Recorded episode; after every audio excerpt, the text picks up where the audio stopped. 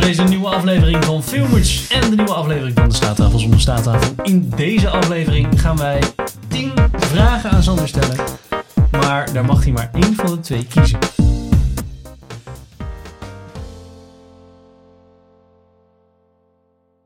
Oh, dus het is multiple choice Ja. op Divi's. Oh, Ja. oké. Ik ben Henk. Ik ben Sander. Dus 10 vragen, Ja. het is die of die. Dus of het dilemma's ander. eigenlijk. Ja. Oké. Dat is een goede. Dilemma's. Dilemma's, ja. Als we daar eerder waren opgekomen, had hij nu dilemma's gegeven, maar Hoe heet die nu anders? weet Hoe hij heet die of die. die? Die of die? Oké. Oké.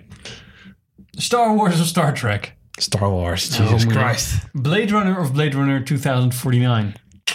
Oh, ja, dat zijn een pittige. Ik ga dan toch voor het origineel. Oeh. Serie of film?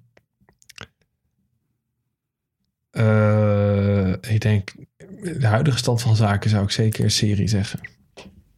Hans Zimmer of John Williams? Ik vind het allebei een beetje meer, maar dan toch maar Hans Zimmer, denk ik. Bios of thuis? Bios, zeker. Marvel of DC?